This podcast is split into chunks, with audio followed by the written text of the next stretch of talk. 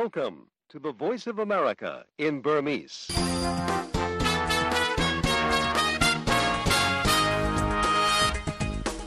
တော်ရရှင်များခင်ဗျာ VOA American အသံရဲ့2024ခုနှစ်ဖေဖော်ဝါရီလ15ရက်နေ့ကြာသပတေးညစီစဉ်တွေကိုမြန်မာစံတော်ချိန်ည9:00နာရီကနေ10:00နာရီထိဝါရှင်တန် DC မြို့တော်ကနေတိုက်ရိုက်စလွှင့်နေပါပြီ။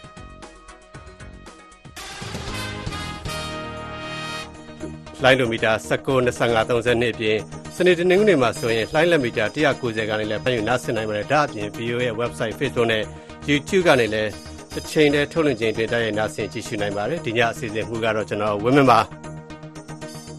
မင်္ဂလာညချမ်းပါရှင် BND ရဲ့အတွေ့အကြုံကနေကင်းဝေးကြပါစေကျွန်မခင်ပြူထွေးပါ ဂါဇာတောင်ပိုင်းကအဓိကစိတ်ယုံတစ်ခုကိုစီးနှင်းဝင်ရောက်တိုက်ခိုက်ခဲ့တယ်လို့အစ္စရေးစစ်တပ်ကပြောပါတယ်။နောက်မြန်မာသတင်းတွေထဲမှာဆိုရင်တော့အာနာသိမ့်မှုနောက်ပိုင်းလက်နက်ကိုင်ပြပခါတွေကြောင့်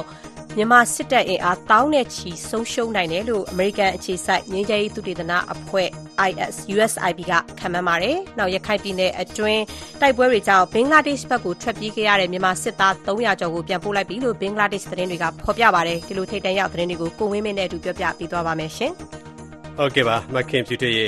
ဒီသတင်းတွေပြီးမှတော့အခုညစိတ်ဝင်စားစရာအကောင်းဆုံးသတင်းပေးပို့ချက်တွေထဲမှာဆိုရင်ဘင်္ဂလားဒေ့ရှ်ကိုထွက်ပြေးသွားတဲ့မြန်မာတပ်ဖွဲ့ဝင်300ကျော်ကိုပြန်ပို့လိုက်ပါပြီ။နောက်မကွေးဘက်ကံကောနယ်မှာတော့ဒေသခံအ ਨੇ ဆုံး9ဦးတပ်ဖြတ်ခံရတာမှာဒေသခံရွာသားကကိုရိုနာဒီနေ့ကျွန်တော်မစစ်ကြောင်းထိုးလာရင်းနေရမှာဒီဒီနေ့ရွာထဲမှာပုံပြီးအန်စီတက်ထန်တာစုစုပေါင်းတင်တော့က9ယောက်ရွှေဘဝ9ယောက်9ယောက်အရက်သားကြီးတွေလည်းနောက် စစ်မှုထမ်းဥပဒေထုတ်အပ်ပြီးထိုင်းကိုတရားမဝင်ဝင်ရောက်မှုများလာကလူငယ်မြန်မာလူငယ်40ကျော်ဖမ်းဆီးခံလိုက်ရပါတယ်အခုလိုသတင်းလွှာတွေပြီးမှတော့ကျသာရင်းညပတ်စင်ကဏ္ဍတွေဖြစ်တဲ့ဥအောင်ခရမြန်မာရေးသုံးသက်ချက်နောက်ကျမ်းမာရေးနဲ့တိုင်းသတင်းလွှာကဏ္ဍတွေကိုစက်တိုက်နားဆင်ကြည့်ရှုရမှာပါ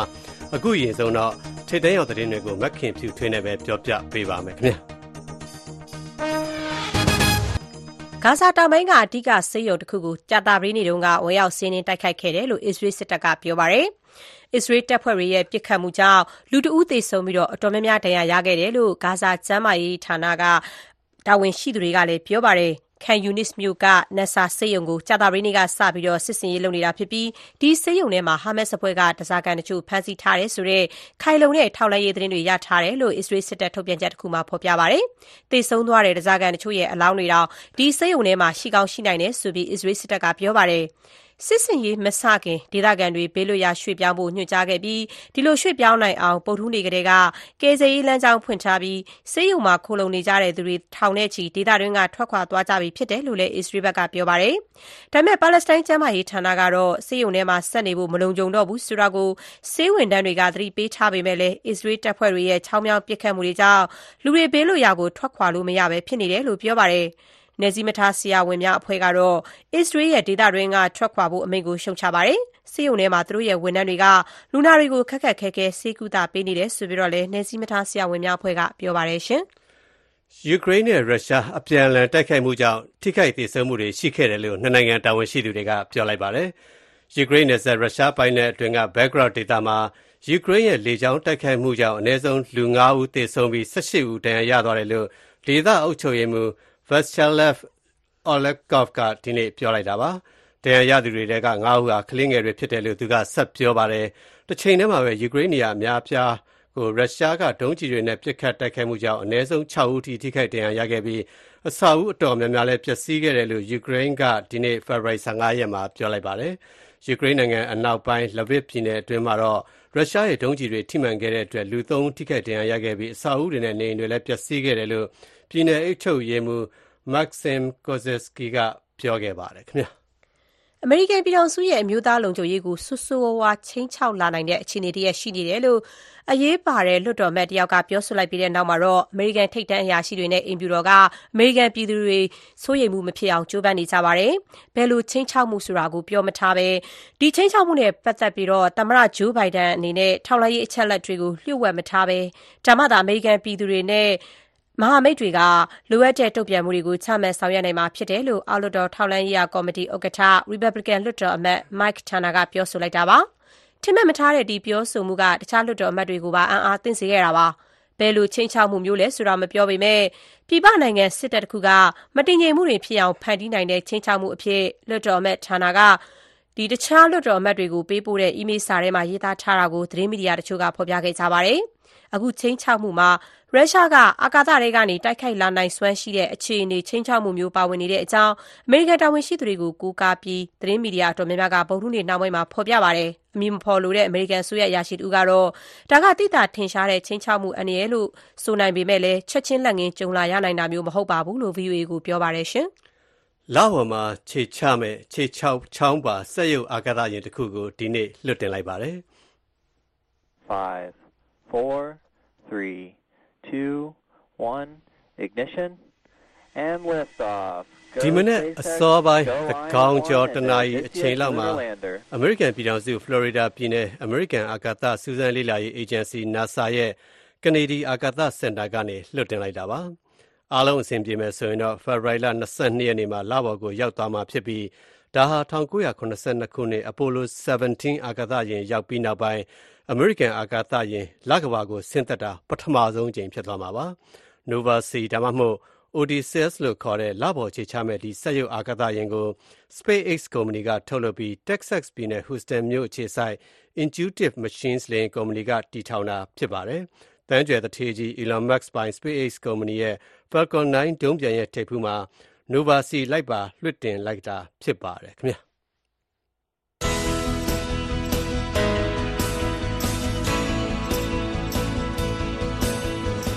VOA American တန်ညဘက်မြန်မာဘာသာအစီအစဉ်တွေကိုညပိုင်း9:00နာရီကနေ10:00နာရီထိလိုင်းဒိုမီတာ19 kHz 15553ညလိုင်းဒိုမီတာ25 kHz 11883ညလိုင်းဒိုမီတာ32 kHz 9335တို့ဖြင့် စနေတနင်္ဂနွေမှာလိုင်းလံမီတာ190 kHz 1505ကနေပြီးတော့ထုတ်လွှင့်ပေးနေပါတယ်ရှင်။ကြာသပတေးနေ့ညချမ်း VOA အမေရိကန်အသံကနေနောက်ဆုံးရသတင်းတွေကိုဆက်ပြီးတင်ပြပေးပါမယ်။ ၂၀၂၁ ဖေဖော်ဝါရီလ စစ်တပ်အာဏာသိမ်းပြီးနောက်ပိုင်း ပေါ်ပေါက်လာတဲ့ လက်နက်ကိုင် ပဋိပက္ခတွေကြားမှာ မြန်မာစစ်တပ်အင်အား သောင်းနဲ့ချီ ဆုံးရှုံးနိုင်တဲ့အကြောင်း လေ့လာဆန်းစစ်သူတွေက ပြောဆိုနေကြပြီး ဒီဆုံးရှုံးမှုတွေကြောင့် အရပ်သားလူငယ်တွေ စစ်မှုထမ်းခိုင်းတဲ့အမိန့် အတင်းအကျပ် အသက်သွင်းလာတာလို့ လေ့လာသူတွေက သုံးသပ် ပြောဆိုကြပါတယ်။ စစ်တပ်က အာဏာသိမ်းပြီးနောက်ပိုင်း ပေါ်ပေါက်ခဲ့တဲ့ လက်နက်ကိုင် ပဋိပက္ခတွေကြားမှာ မြန်မာစစ်တပ်ဘက်က တိုက်ပွဲမှာ ကျဆုံးတဲ့သူ၊ထိခိုက်ဒဏ်ရာရသူ၊တပ်ကနေ ထွက်ပြေးသူနဲ့ လက်နက်ချသူ စုစုပေါင်း ၂၁,၀၀၀ လောက် ရှိမယ်လို့ အမေရိကန်အခြေစိုက် ငြိမ်းချမ်းရေး သုတေသနအဖွဲ့ USIP ရဲ့ ပြီးခဲ့တဲ့နှစ်က ခန့်မှန်းချက်ကို Fox သတင်းဌာနက ကိုးကား ရေးသားပါတယ်။ဒီခန့်မှန်းချက်ဟာ မကြာသေးခင် ဖြစ်ပွားခဲ့တဲ့ ရှမ်းမြောက်ဒေသနဲ့ ရခိုင်ပြည်နယ်အတွင်း တိုက်ပွဲတွေမှာ ဆုံးရှုံးမှုတွေ မပါဝင်သေးတဲ့အတွက် အရေအတွက် အတော်များများ ထပ်တိုးလာနိုင်တာကိုလည်း လေ့လာသူတွေက ထောက်ပြကြပါတယ်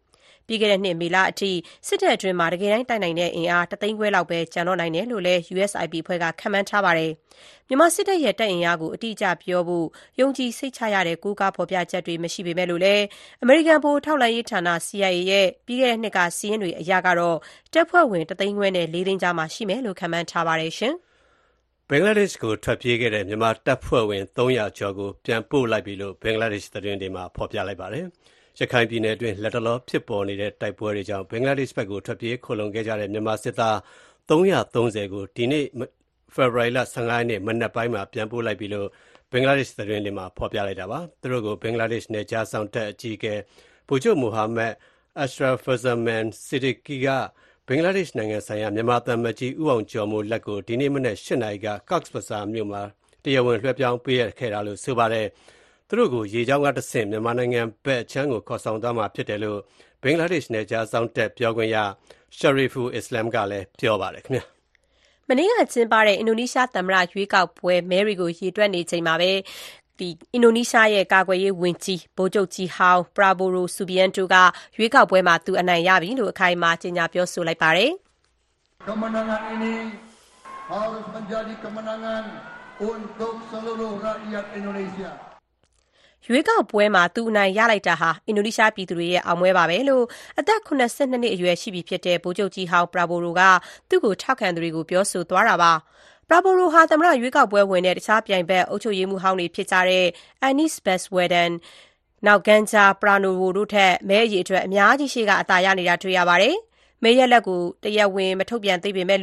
သီးခြားလွတ်လပ်တဲ့ လူထုစစ်တမ်းတွေမှာတော့ မဲအားလုံးရဲ့ ၆၀%ကျော်ကို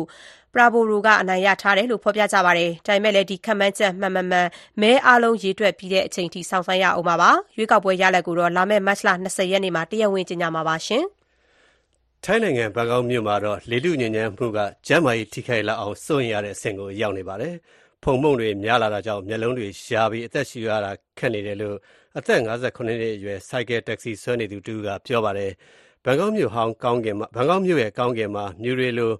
လေထုညစ်ညမ်းတဲ့ဖုန်တွေလွှမ်းနေတာကြောင့်တတ်နိုင်ရင်ဝန်ထမ်းတွေအိမ်ကနေအလုပ်လုပ်ကြဖို့လုပ်ငန်းရှင်တွေနဲ့အာဏာပိုင်တွေကလည်းတိုက်တွန်းနေပါတယ်။မနက်ဖြန်သောကြာနေ့လောက်အထိလေထုညစ်ညမ်းမှုဆိုးနိုင်သေးတယ်လို့လည်းအာဏာပိုင်တွေကသတိပေးထားပါတယ်။လေထုညစ်ညမ်းမှုတိုင်းထွာချက်အရ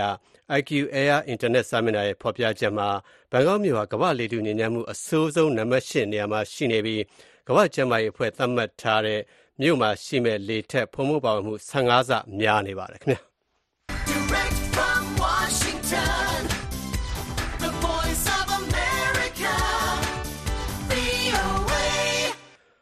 မင်္ဂလာညချမ်းပါသောရရှင်များခင်ဗျာ VOA American တိုင်းရဲ့ Ferrari 15ရက်ကြာသပတေးနောက်ဆုံးရအထူးခြားဆုံးသတင်းတွေကိုမက်ခင်ဖြူထွေးနဲ့ပြောပြခဲ့တာပါအခုတော့စိတ်ဝင်စားစရာအကောင်းဆုံးသတင်းပေးပို့ချက်တွေဇက်တိုက်ပါပထမဆုံးကတော့ဘင်္ဂလားဒေ့ရှ်ကိုထွက်ပြေးသွားတဲ့မြန်မာတပ်ဖွဲ့ဝင်300ကျော်ပြန်ပို့လိုက်တာပါဘင်္ဂလားဒေ့ရှ်ဘက်ကိုထွက်ပြေးခဲ့တဲ့စစ်ကောင်စီတပ်ဖွဲ့ဝင်အယောက်300ကျော်ကိုရေကြောင်းကနေတဆင့်ဘင်္ဂလားဒေ့ရှ်ဘက်ကဒီနေ့ပြန်ပို့လိုက်ပါပြီ သင်္ဘောနဲ့နှစ်သုတ်ခွဲပြီးပြန်လည်ပို့ဆောင်ခဲ့တဲ့သူတွေထဲမှာထိခိုက်ဒဏ်ရာရသူတွေလည်းပါတယ်လို့ဆိုပါတယ်။ဒီအကြောင်းရန်ကုန်ကသတင်းပေးပို့လာတာကိုအခြေခံပြီးအလိမ္မာပြောပြပေးပါအောင်ခင်ဗျာ။ရခိုင်ပြည်နယ်ကတိုက်ပွဲတွေကြောင့်ဘင်္ဂလားဒေ့ရှ်နိုင်ငံကိုထွက်ပြေးလာတဲ့စစ်ကောင်စီနယ်ခြားစောင့်ရဲတပ်ဖွဲ့ဝင် BGP နဲ့စစ်ကောင်စီတပ်ဖွဲ့ဝင်တွေကိုဖေဖော်ဝါရီလ15ရက်ဒီကနေ့မှာဘင်္ဂလားဒေ့ရှ်ဘက်ကနေရေကြောင်းကနေတစ်ဆင့်ပြန်လည်ပို့ဆောင်ခဲ့ပါတယ်။ ရိုဟင်ဂျာအရေးကူညီပေးနေသူ ကိုတင်စိုးက VOA မြန်မာပိုင်းကိုအခုလိုပြောပါတယ်။ဟိုကလည်းအဲ့ဒီ Thursday Thursday ဆိုတော့ဒီနေ့ Thursday မလားဒီနေ့ပုံပါဆိုတော့သူတို့ကတိတ်ပြောချင်တာမဟုတ်ဘူးဘာလို့လဲဆိုတော့သူတို့တင်မောနဲ့သွားမှာ300ကျော်တယ်သူတို့ကတင်မောနဲ့ပုံမှာသူတို့ကအစီအစဉ်လုပ်တာသူတို့ပထမတော့လေရင်နဲ့ပို့ဖို့အစီအစဉ်ရှိတယ်ဒါပေမဲ့စာဟိုဟာစစ်တဟိုဟာ စစ်တကသူတို့ကိုတင်မောနဲ့ပဲကော်မန်ဆိုပြီးတော့ပြောတော့ဒီကတော့အားကျပို့ချင်တာဘင်္ဂလားဒေ့ရှ်ကဟိုကလက်မလာမကူသူတို့လူတွေလာတယ်လာပြီးတော့စကားတွေပါတယ်ပြောတယ်ပြောပြီးတော့သူတို့တင်မောနဲ့ခေါ်ရမယ်ဆိုပြီးတော့ပြောကြတယ်ဒါပေမဲ့ကျွန်တော်သိတဲ့လောက်ဆိုရင်တော့သူတို့ဒီကနေတင်မောနဲ့သူတို့ escort နဲ့ပို့ပြီးတော့သူတို့ Bay of Bengal ကို ပို့ပေးမယ်အဲ့ဒီကနေသူတို့ကသူတို့သွားပေါ့ဒီလူတွေကိုသင်းမောနဲ့နှစ်တုပ်ခွဲပြီးတော့ပို့ဆောင်မှုပြင်ဆင်ထားပြီးပထမအတုပ်မှာအယောက်200နီးပါးတင်ပြီးတော့ဒီမနက်ပိုင်းမှာပို့ဆောင်ခဲ့ပါတယ်။ကြံလူတွေကိုလည်းဒီနေ့နေပိုင်းမှာထပ်မံပြီးတော့ပို့ဆောင်မယ်လို့သူကပြောပါတယ်။ပြန်ပို့ခံရတဲ့ဒီလူတွေဟာဘင်္ဂလားဒေ့ရှ်နိုင်ငံတဲကိုပြီးခဲ့တဲ့ဖေဖော်ဝါရီလ၄ရက်နေ့ကနေ9ရက်နေ့အတွင်းဝင်ရောက်လာသူတွေဖြစ်ပါတယ်။ရခိုင်ဒေသမှာရခိုင်တပ်တော် AA နဲ့ စစ်ကောင်စီတို့ကြားတိုက်ပွဲပြင်းထန်ချိန်မှာသူတို့တွေဟာဘင်္ဂလားဒေ့ရှ်နိုင်ငံဘက်ကိုထွက်ပြေးခဲ့တာဖြစ်ပါတယ်။ဒီကနေ့ပြန်လည်ပို့ဆောင်ခံရသူတွေမှာတရားရသူတွေလည်းပါဝင်တယ်လို့ကိုတင်စိုးကပြောပါတယ်။သူတို့ဘင်္ဂလားဒေ့ရှ်ထဲနေထိုင်ခဲ့ရတဲ့အခြေအနေနဲ့ပတ်သက်လို့သူကအခုလိုပြောပြပါတယ်။ တချို့တွေကတနက်တရားတွေရထားတာရှိတယ်ဒီမှာကတော့ဆေးတော့ယာယီဆေးတော့ကိုပေးထားတာပေါ့ MSN နဲ့ contact လုပ်ပေးတယ်ပထမတော့သူတို့ကိုတားလာတော့နေစင်းနာမှာအဲ့ဒီတောင်ဘူဆိုတဲ့ဘက်ကခုဘက်တောင်ဘူမဟုတ်ဒီဘက်တောင်ဘူကအဲ့ဒီကျောင်းမှာပဲတားတယ်ဒါပေမဲ့တိတော့မဟန်ဘူးဗျာဆောင်းရပါတယ်ဘာမှမရှိဘူးတဲ့တူလိုပဲနေကြတယ်ပုံစံမျိုးပါပဲအဲ့လိုလုပ်ကြတယ်နောက်ပတ်ကြတော့သူတို့ကားနဲ့ သူတို့တေးလာတယ်ဘေကိုသူကမတော့မပြောဘူးကျွန်တော်တို့တီးတဲ့လောက်ဆိုရင်သူတို့ refugee camp ရဲ့အဲ့ဒီမှာပမာပြည်ဘက်ကိုပို့မယ်စကန်လုပ်ထားတာရှိတယ်အဲ့ဒီနေရာမှာသူတို့ထားတယ်အဲ့ဒါကို MSF ကနေပြီးတော့စစ်ကူပေးတယ်ဒီလောက်ပဲကျွန်တော်တို့သိတယ်လက်နဲ့တွေကိုဒီကဟိုဟာနေဆက်လုံကျူရဲ့တက်ကယူထားတယ်ကျွန်တော်တိကျွန်တော်တီးတဲ့လောက်ဆိုရင်သူတို့ပြန်တဲ့အခါကျတော့အဲ့ဒါကိုသူတို့ကတုပ်ပုတ်ပြီးပေးမယ်လို့ပြောတယ် ဘင်္ဂလားဒေ့ရှ်အခြေစိုက်ဒါကာထရီဗျူးသတင်းဌာနက ဖော်ပြချက်အရ ပြန်ပို့ခံရတဲ့ ဘင်္ဂလားဒေ့ရှ်နိုင်ငံထဲ ဝင်ရောက်လာသူ330အနက် BGP အဖွဲ့ဝင်302ဦး BGP အဖွဲ့ဝင် မိသားစုဝင် ၄ ဦးနဲ့ တပ်မတော်သားမဟုတ်သူ ၄ ဦးတို့ ပါဝင်တယ်လို့ ဖော်ပြထားပါတယ်။တမ်မတ်ကြီး ဦးအောင်ကျော်မိုး ဦးဆောင်တဲ့ မြန်မာကိုယ်စားလှယ်အဖွဲ့ဟာ ဒီကနေ့ မနက်ပိုင်းမှာ ကော့ဆက်ဘဇာအင်နာနီမှာရှိတဲ့ ရေတက်စိတ်ခံတရားကို ရောက်ရှိလာပြီးတော့ဒီလူတွေကိုလက်ခံခဲ့တယ်လို့သတင်းမှာဖော်ပြထားပါတယ်။ဘင်္ဂလားဒေ့ရှ်ကိုထွက်ပြေးလာတဲ့စစ်ကောင်စီနေသားဆောက်ရဲတပ်ဖွဲ့ဝင် BGP နဲ့စစ်ကောင်စီတပ်ဖွဲ့ဝင်တွေကိုမြန်မာနိုင်ငံကိုမကြခင်ပြန်ပို့မယ်လို့ဘင်္ဂလားဒေ့ရှ်နိုင်ငံသားရဲ့ဝန်ကြီးဟာဆန်မာမုတ်ကပြီးခဲ့တဲ့ဖေဖော်ဝါရီလ12ရက်နေ့မှာပြောကြားထားပြီးနောက်ပိုင်းမှာပဲအခုလိုပြန်ပို့လိုက်တာဖြစ်ပါတယ်။ ရခိုင်ပြည်နယ်ထဲမှာတိုက်ပွဲတွေပြင်းထန်လာနေတာကြောင့်အဲ့ဒီမှာတာဝန်ထမ်းဆောင်နေကြတဲ့တန်တမန်တွေကိုလည်းဘေးလွတ်ရာပြောင်းရွှေ့နေတယ်လို့နိုင်ငံသားရေးဝန်ကြီးဟာဆန်မာမုတ်ကပြီးခဲ့တဲ့ရက်ပိုင်းကပြောဆိုခဲ့ပါသေးတယ်။ရခိုင်ဒေသမှာရခိုင်တပ်တော် AA နဲ့စစ်ကောင်စီတို့ကြားတိုက်ပွဲပြင်းထန်ချိန်မှာစစ်ကောင်စီတပ်ဖွဲ့ဝင်တချို့ဟာအိန္ဒိယဘက်ဘင်္ဂလားဒေ့ရှ်ဘက်ကိုထွက်ပြေးတိတ်ရှောင်တာတွေလုပ်ခဲ့ပါတယ်။ မကြခင်ကလည်းအိန္ဒိယနိုင်ငံဘက်ကိုထွက်ပြေးသွားတဲ့စစ်ကောင်စီတပ်ဖွဲ့ဝင်အယောက်900နီးပါးကိုအိန္ဒိယဘက်ကနေပြန်လည်ပို့ဆောင်ခဲ့တာရှိခဲ့ပါတယ်။လက်ရှိမှာတော့ဒီထွက်ပြေးခိုလုံသွားတဲ့တပ်ဖွဲ့ဝင်တွေနဲ့ပတ်သက်လို့စစ်ကောင်စီဘက်ကပြောရေးဆိုခွင့်ရှိသူဗိုလ်ချုပ်ဇော်မင်းထိုးကို VOA ဘက်ကဆက်သွယ်နေပေမဲ့အခုထိပြန်လည်ဖြေဆိုတာမရှိသလိုသူတို့ဘက်ကသတင်းထုတ်ပြန်ထားတာလည်းမရှိသေးပါဘူးရှင်။ ဘင်္ဂလားဒေ့ရှ်ဘက်ကို ပြီးခဲ့တဲ့အပတ်အစပိုင်းတည်းကထွက်ပြေးသွားခဲ့တဲ့ မြန်မာတပ်ဖွဲ့ဝင်300ကျော် နောက်ဆုံး ရေချောင်းကပဲ ပြန်ပို့လိုက်တာ အလိမ္မာပြောပြခဲ့တာပါ အခုတော့ မကွေးဘက်ဂံကောနယ်မှာ ဒေသခံအ ਨੇ ဆုံး9ဦးတပ်ဖြတ်ခံခဲ့ရတာပါဂံကောမြို့နယ်မြောက်ပိုင်းတင်တော်ကြေးရွာနဲ့ ရွှေဘိုကြေးရွာက ဒေသခံမျိုးသား9ဦးကို စစ်တပ်ထောက်ခံတဲ့ပြူစောထီတွေက ဖမ်းဆီးတပ်ဖြတ်ခဲ့ပြီး အမျိုးသမီးအများစုနဲ့ ကလေးငယ်တွေပါဝင်19ဦးကိုလည်း ဖမ်းဆီးခေါ်ဆောင်သွားတယ်လို့ ဒေသခံရွာသားတွေက ပြောနေကြပါတယ် တချို့ဒေသခံတွေကလည်းကြေးရွာတွေထဲမဝင်ရောက်နိုင်ပဲတိမ်းရှောင်နေရပါတယ်ဒီအကြောင်းသတင်းပေးပို့လာတာကိုအခြေခံပြီးကိုစံကျော်ပြောပြပေးပါအောင်ခင်ဗျာမကွေးတိုင်းဂံကောမြို့နယ်မြောက်ပိုင်းကစစ်တပ်ထောက်ခံသူအများစုနေထိုင်တဲ့မြောက်ခရမ်းရွာကပြူစောရီတွေဟာရွာနဲ့တမိုင်ပတ်ချလဲဝေးတဲ့တင်တော်ရွာနဲ့ရွှေဘိုရွာကိုဖေဖော်ဝါရီ14ရက်မနက်ပိုင်းကလက်နက်ကြီးလက်နက်ငယ်တွေပစ်ဖောက်ဝင်ရောက်ကနယ်မြေရှင်းလင်းတာတွေလုပ်ခဲ့ပါတယ်။ ကြေးရွာတဲကိုဝင်ရောက်ချိန်မှာ ကြောက်လန့်ပြီး မပြေးနိုင်ပဲပိတ်မိနေတဲ့တင်တော်ကြေးရွာနဲ့ ရွှေဘိုကြေးရွာက အမျိုးသား9ဦးကိုတပ်ဖြတ်သွားတယ်လို့ ဒေသခံတွေက ပြောတာပါ။ဒါအပြင် အမျိုးသမီးအများစုနဲ့ ကလေးငယ်တွေအပါအဝင်19ဦးကိုလည်း မြောက်ခရမ်းရွာကို ဖမ်းဆီးခေါ်ဆောင်သွားပါသေးတယ်။ဒီအခြေအနေတွေနဲ့ ပတ်သက်လို့ ဒေသခံတူကဖြစ်စဉ်ကို အခုလို ပြောပြပါဗျာကို ရိုနာဗိုင်းရပ်စ်လောက်မှာစစ်ကြောင်းထိုးလာရင်ဒီမှာကြီးရင်းကြီးနေရတယ်မှာပုံပြီးဖန်စီတတ်တယ်စုစုပေါင်းတင်တော့က9ယောက်ရွှေဘဝ2ယောက်9ယောက်အရက်သားကြီးလေသူတို့ကအိမ်မှာဟိုဘီရော်ဒီမှာစစ်ရှုံနေနေတော့ပြင်မှာခင်းနေလို့တော့ပေးသိမ်းဖို့သူပြန်လာရနေအဲ့လိုဖြစ်သွားတာအမျိုးသားတွေဒီပဲတက်ခါတာကြဟုတ်တယ်မနေ့ကမှဖန်စီခံနေနေလေဘင်းလောက်မှာတက်တာလားတော့ဘယ်လိုလောင်းနေတော့ဒီကျွန်တော်တို့တင်တော့လေချူကြားမှာလည်းညနေ မောင်မတွေ့ရတယ်6နာရီ9နာရီလောက်မှတွေ့ရတယ်ဟိုအတိ60ကျော်ဘိုးတော်ကြီးတယောက်နဲ့မိမကြီးရောပါဝင်ဟိုမင်းငယ်ရောပေါ့ဗျာစုစုပေါင်း19ယောက်ကိုလည်းသူတို့ဖမ်းထားတယ်ဟို19ယောက်ပြ19ယောက်မှာကလေးဟို7နှစ်သားတယောက်ပါတယ်နောက်လင်းနှစ်သမီးတယောက်ပါတယ်3နှစ်သမီးရွယ်လေးတယောက်ပါတယ်လက်သားမီရွယ်ဒီခေါ်သွားတာပေါ့အဲအဲ့ဒီမှာ19ယောက်မှာမိမက19ယောက်ယောက်ျားက2ယောက်ပြဒီကလေးငယ်လေးပါဝင် ဒီကလေးငယ်လေးအပါအဝင်တပ်ဖြတ်ခံရသူတွေဟာ အသက်60ကျော် အပါအဝင် အသက်20ကနေ30အပိုင်းခြားထိ အမျိုးသားတွေဖြစ်ပြီးတေဆုံးတဲ့ ရုပ်အလောင်းတွေမှာ လက်ပြန်ကြိုးတွေတုပ်ထားပြီးဥကောင်းပွင့်ထွက်ဒဏ်ရာတွေအပြင် ထိုးသွင်းပြက်ရှဒဏ်ရာတွေနဲ့တေဆုံးနေတာလို့ ရုပ်အလောင်းကို မီးတကြိုပေးခဲ့သူတွေက ပြောပါတယ်။ဒါ့အပြင်ကြေးရွာတဲကို လက်နက်ကြီး လက်နက်ငယ်ပစ်ခတ် ဝင်ရောက်လာချိန်မှာလဲလက်နက်ကြီးအစထိမှန်ကအမျိုးသားတူတေဆုံးခဲ့ပြီး စုစုပေါင်း ဒေသခံ10ဦး အသက်ဆုံးရှုံးခဲ့ပါတယ်။ ဖမ်းဆီးခံထားရတဲ့ အမျိုးသမီးနဲ့ ကလေးငယ်တွေနဲ့ ပတ်သက်လို့ ဒီကနေ့အထိ ပြန်မလွတ်သေးပဲသတင်းလည်း မကြားရသေးဘူးလို့ ဒေသခံတွေက ပြောပါတယ်။အရက်သားတွေ ဖမ်းဆီးတပ်ဖြတ်ခံရတာကြောင့် မြောက်ခမ်းကျေးရွာအနီးက ကျေးရွာတွေဖြစ်တဲ့တင်တော်ရွှေဘို မြင်သား ကုန်းရွာ စတဲ့ ကျေးရွာ900ထက်မနည်းက ဒေသခံတွေဟာ ကျေးရွာတဲကို ပြန်မဝင်ကြပဲဘေးလို့ရာကို တိမ်းရှောင်နေကြပါတယ်။အခုလို အခြေအနေတွေကြောင့် စိုးရိမ်ထိတ်လန့်နေရတယ်လို့တပ်ဖြတ်ခံရမှုမှာတေဆုံးသွားသူတူဦးနဲ့ နီးစပ်သူက သူတို့အခြေအနေတွေကို အခုလို ပြောပြပါတယ်။ စိုးရိမ်ရတယ်အခုဆိုရင်ကျွန်တော်လောက်သွားမှဆိုရင်တယောက်ပေါက်ကိုပြည်သူတယောက်အနေနဲ့ဒီဘက်ကိုရမန်နေရအောင်ဖြစ်နေပြီကြကျွန်တော်တို့ရောနေတော့မကောင်းဘူးရွှေဘိုကဆက်ပြီးမှကြီးနေကြရတယ်မလို့တင်နေတော့ကျွန်တော်တို့တွေအနေထားပုံနဲ့မနာတော့ပြည်သူတွေတယောက်ဝင်နေတာပြည်သူတွေအနေနဲ့တော့တိုးတောင်တဘာဝတွေမှာလည်းဒီ တဲကိုတဲလေးတွေမှာနေကြတယ်2022ခုနှစ် ဖေဖော်ဝါရီလ28ရက်နေ့မှာ အိမ်ခြေ240နီးပါးရှိတဲ့ တင်တော်ကျေးရွာကို စစ်တပ်က နယ်မြေရှင်းလင်းဝင်ရောက်ခဲ့ပြီး နေအိမ်တွေကို မီးရှို့ခဲ့တဲ့အတွက် အိမ်ခြေ150နီးပါး မီးလောင်ပျက်စီးခဲ့သလိုတက်ကြီးရွယ်အို2ဦးလည်းတပ်ဖြတ်ခံခဲ့ရသေးတယ်လို့ ဒေသခံတွေက ပြောပါတယ် ဒေသခံတွေကိုတပ်ဖြတ်ဖမ်းဆီးသွားတဲ့ မြောက်ခရမ်းရွာဟာ စစ်တပ်ထောက်ခံတဲ့ပြူစောတိတွေ အားကောင်းတဲ့ကြေးရွာတွေဟာဖြစ်ပြီးကြေးရွာထဲမှာခန့်စစ်အခိုင်အမာ ပြင်ဆင်တာတွေအပြင် လက်နက်အင်အားတောင့်တင်းတဲ့ကြေးရွာတစ်ရွာဖြစ်တယ်လို့ ကာကွယ်ရေးတပ်ဖွဲ့တွေက ဆိုပါတယ် 2023ခုနှစ် စက်တင်ဘာလတုန်းက ကာကွယ်ရေးတပ်ဖွဲ့ဝင်တွေက မြောက်ခရမ်းကြေးရွာကို ဝင်ရောက်တိုက်ခိုက်ခဲ့ပြီး ပြန်လည်ဆုတ်ခွာချိန်မှာ ကာကွယ်ရေးတပ်ဖွဲ့ဝင်2ဦးကိုပြူစောတိတွေက ဖမ်းဆီးမိခဲ့ပြီး အဲ့ဒီနောက်မှာတော့ ဖမ်းဆီးခံရတဲ့ ကာကွယ်ရေးတပ်ဖွဲ့ဝင်2ဦးကို နှိပ်စက်ကမီးရှို့တပ်ဖြတ်တာတွေ လုပ်ခဲ့ပါသေးတယ်ခင်ဗျာ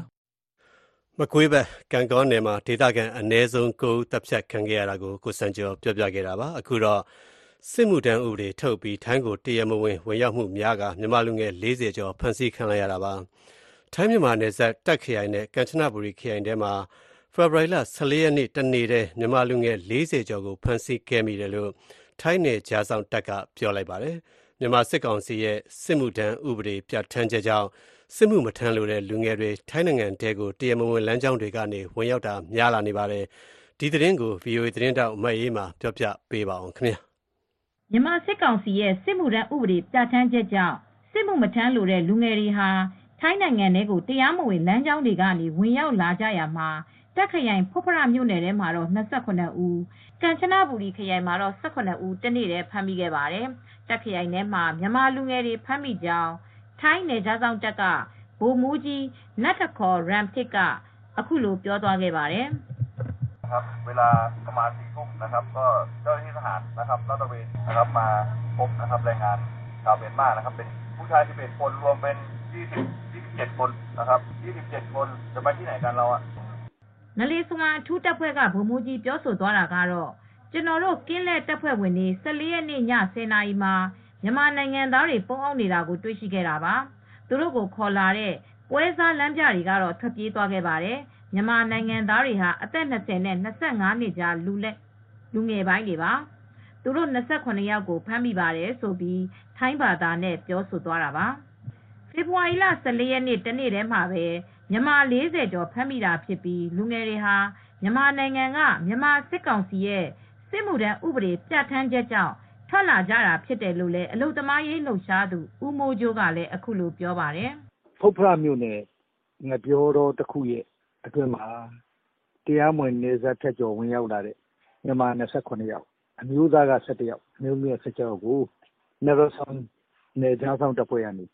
တွေ့ရှိပြီးတော့ဖမ်းဆီးလိုက်တယ်ဆိုတဲ့အကြောင်းကျွန်တော်သိရပါတယ်အရွယ်ရောက်ပြီတိုင်းစစ်မှုမထမ်းမနေရ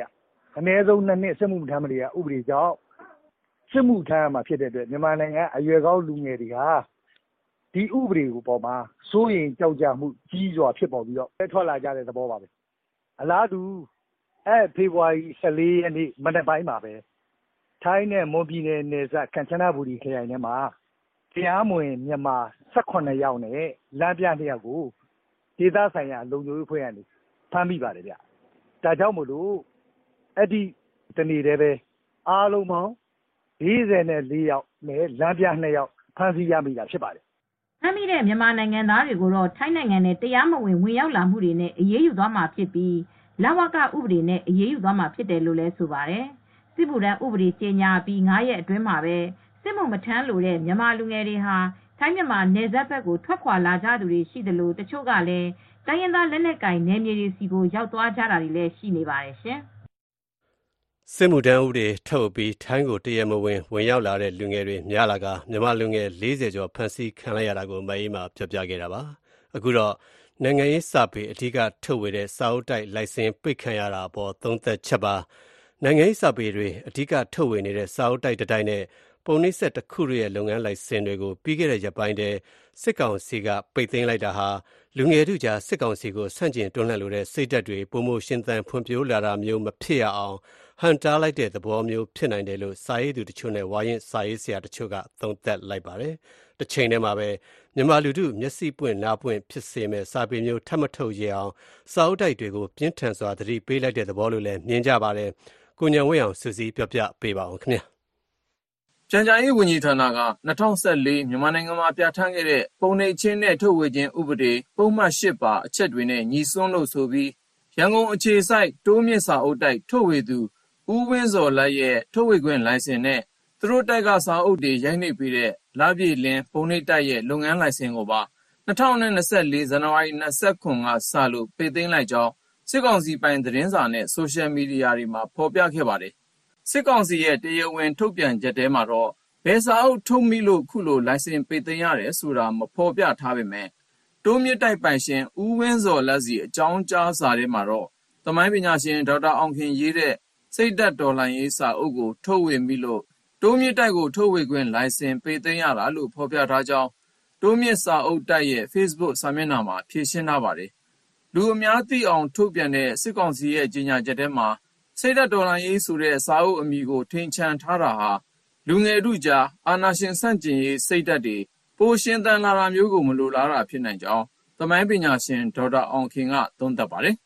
အဲစိတ်သက်ဒေါ်လာရေးဆိုတဲ့စာအုပ်ပါကျွန်တော်ဥစားဒီဒီမိုကရေစီသမားတွေအတွက်အသုံးဝင်တဲ့စာအုပ်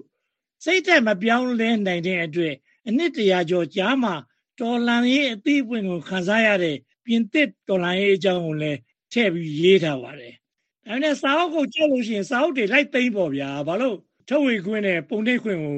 ရုပ်သိမ်းရတာလဲ။ဒါတက်တက်တာမတရားလုပ်တဲ့ကိစ္စပဲ။ပုံနှိပ်ခြင်းနဲ့ထုတ်ဝေခြင်းရုပ်သိမ်းကြောင်း အတိပေးကြေညာတယ်လို့ဒါပေါ်ပြတယ်။စိတ်သက်တော်လိုင်းဆိုတဲ့စာအုပ်အမည်ကိုမဖော်ပြဘူး။ဒီစာအုပ်ကိုလည်းသူတို့ကလူသိမှလည်းစိုးရိမ်ပုံရတယ်။ဒါမှမဟုတ်တမင်တကာထိန်ချန်ထားတာပဲ။သူတို့ကတော့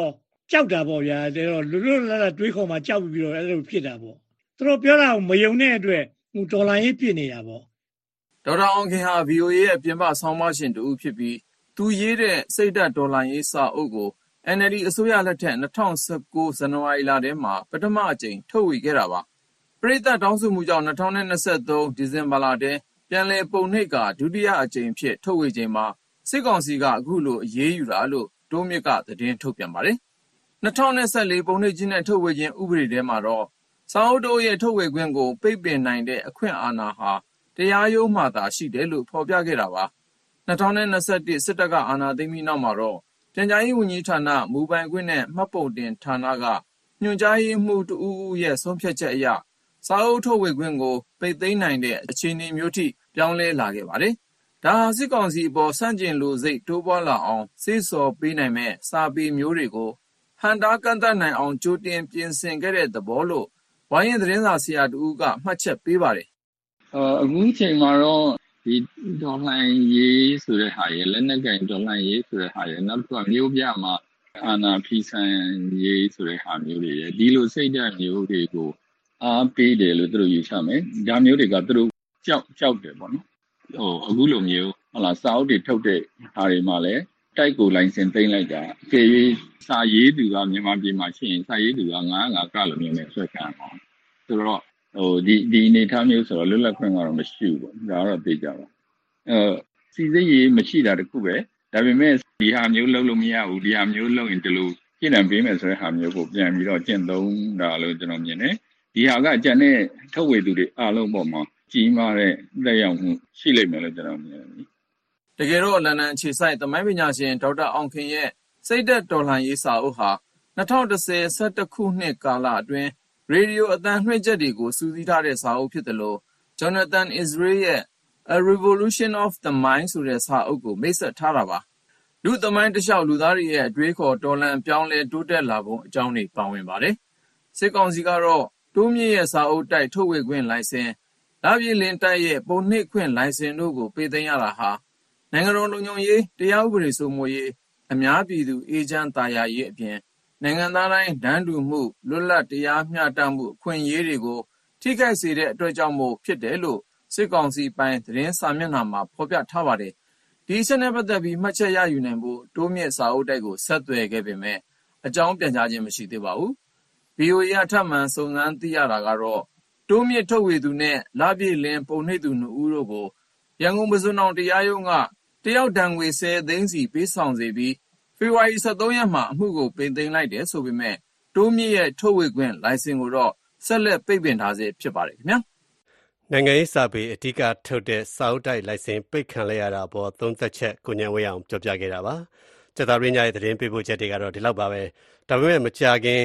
ဥအောင်ခင်ရဲ့ပဲမြမရေးသုံးသက်ချက် နောက်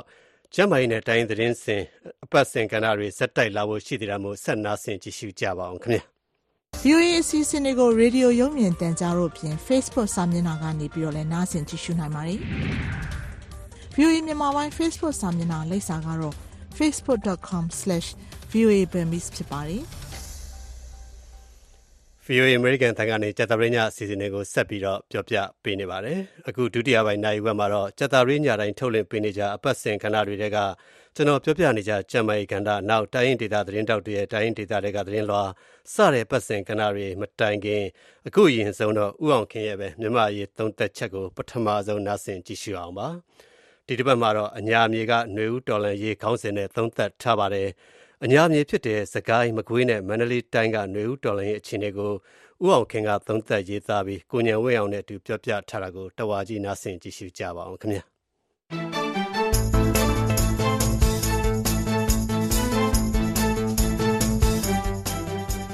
အင်္ဂလိပ်မြန်မာစစ်ပွဲမှာလက်နက်နဲ့စီးကမ်းမှာအင်္ဂလိပ်ဘက်ကအာသာပြီးဗမာရဲ့အာသာချက်က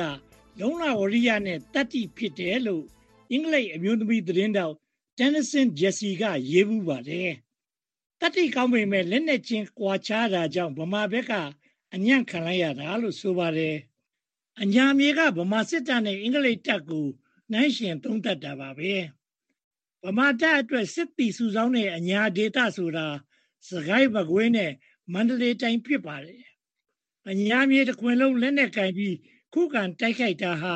ຫນွေဦးတော်လှန်ရေးရဲ့ထူးခြားချက်လို့ပြောနိုင်ပါတယ်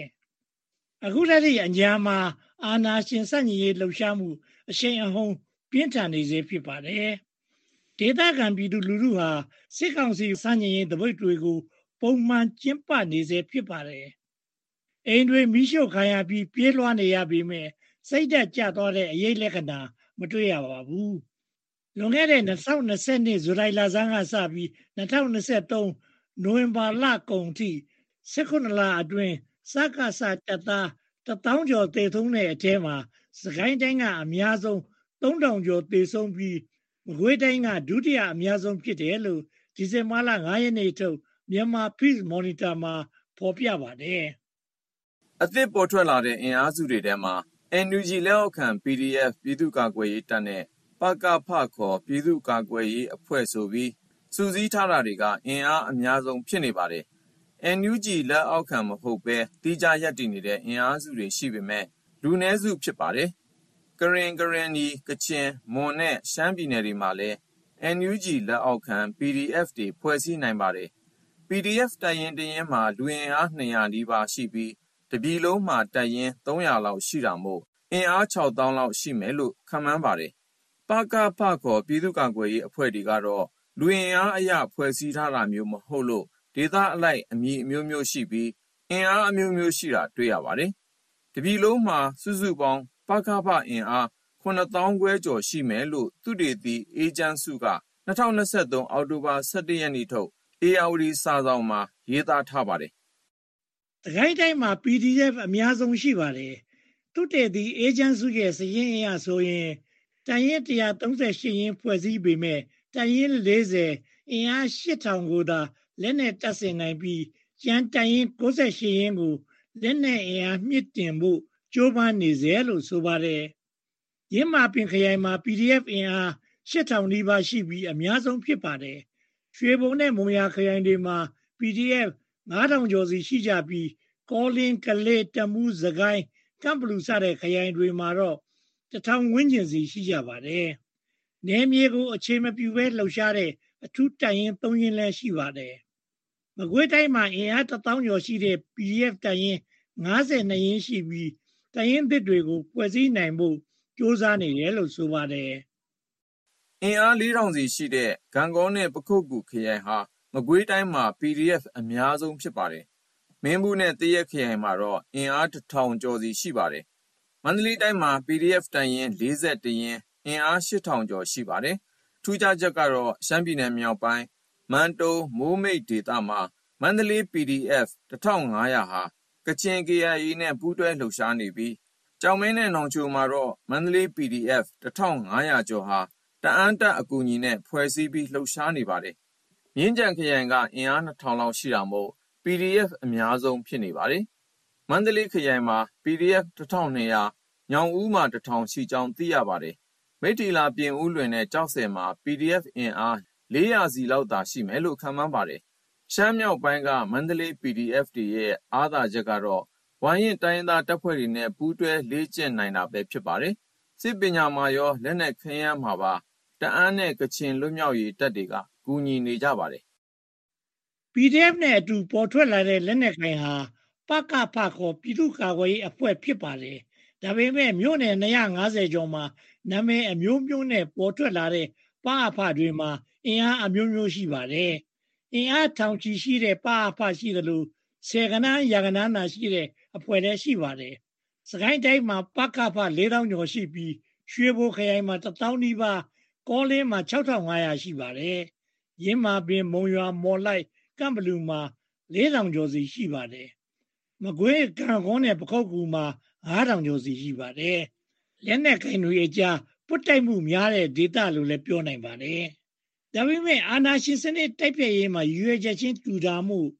စကိုင်းနဲ့မကွေးမှာတော်လိုင်းရေးတပ်ဖွဲ့တွေစစ်စင်ရေးအောင်မြင်နေပါတယ်။သူတို့လက်ထက်မှာလက်နက်ခဲယမ်းအလုံးအလောက်မရှိသေးပေမဲ့ စက္ကစတပ်ကိုတိုက်ဖို့အစဉ်သင့်ဖြစ်နေကြပါတယ်။စစ်ကောင်စီကိုအမြင့်ပြအောင်တိုက်ခိုက်ခြင်းသူကလူများစုဖြစ်နေပါတယ်။နိုင်ငံရေးအရစူးစီးဖို့အခက်အခဲရှိနေပုံရပေမဲ့ဒေသကိုထိန်းချုပ်နိုင်တဲ့အင်အားစုတွေတွဲဆုံဆွေးနွေးညှိနှိုင်းပြီးရင်ဆိုင်နေရတဲ့ပြဿနာတွေကိုလက်တွေ့ဖြေရှင်းရာကနေလက်ခံနိုင်မဲ့နိုင်ငံရေးပုံစံသစ်ပေါ်ထွက်လာနိုင်ကြောင်းတင်ပြလိုက်ရပါတယ်ခင်ဗျာ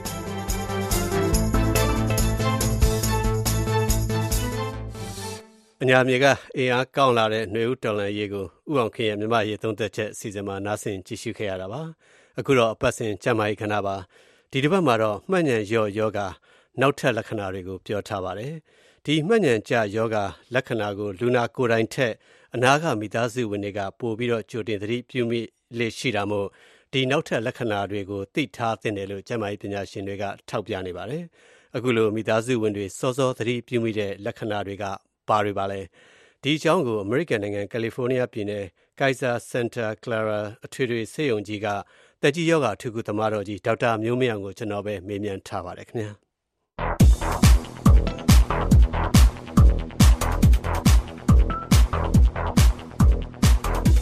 ဟုတ်ကဲ့အထူးကုသမားတော်ကြီးဒေါက်တာမျိုးမင်းအောင်ခင်ဗျာ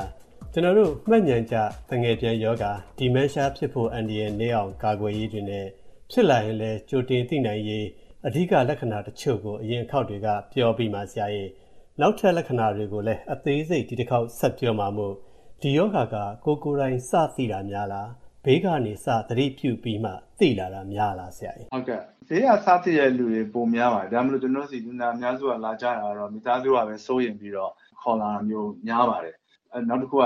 ဒီမညံရောနေတဲ့ယောဂမျိုးလည်းကျွန်တော်တို့ တက်ကြည့်တဲ့လူတော်များလက်မခံခြင်းကြောက်တာလည်းပါတယ်ပြီးတော့ကိုကိုယ်တိုင်လည်းလက်မခံခြင်းတဲ့အခါကျတော့ကိုယ့်ကိုနှစ်သိမ့်ပြီးတော့အမ်အသက်ကြီးနေတော့ဒီလိုပဲမိကြတာပါပဲဒါဘာမှမထူးပါဘူးဆိုပြီးတော့တခြားကိုယ့်ရဲ့အမျိုးတွေကတော့မှဆရာဝန်သွားတွေ့လို့ပြောရတာမှသူတို့ကအာငါမညံကောင်းသွားသေးတယ်မင်းတို့ထင်တာပါဆိုပြီးတော့ ချို့ကကြောက်ပြီးတော့သူတို့အဲ့အတွက်ကိုစစ်စစ်မှုစားသမှုတော့မလုပ်ချင်ကြတာဘူးဆိုတော့ဒီမညံအားနေတဲ့ယောဂမျိုးသူတို့မှရှိပါတယ်ဆိုတဲ့ဟာမျိုးသူတို့ကလုံးဝယူမကြားချင်ဘူးသူတို့မသိချင်ဘူးပေါ့နော်အဲကြောင့်မလို့သူတို့ကိုယ်တိုင်ကလည်းဒီလောလောကူကူနဲ့ဆရာဝန်သွားမတွေ့ကြတာများပါတယ်ဒါပေမဲ့မိသားစုကအရေးကြီးပါတယ်မိသားစုကစောစောစီးရ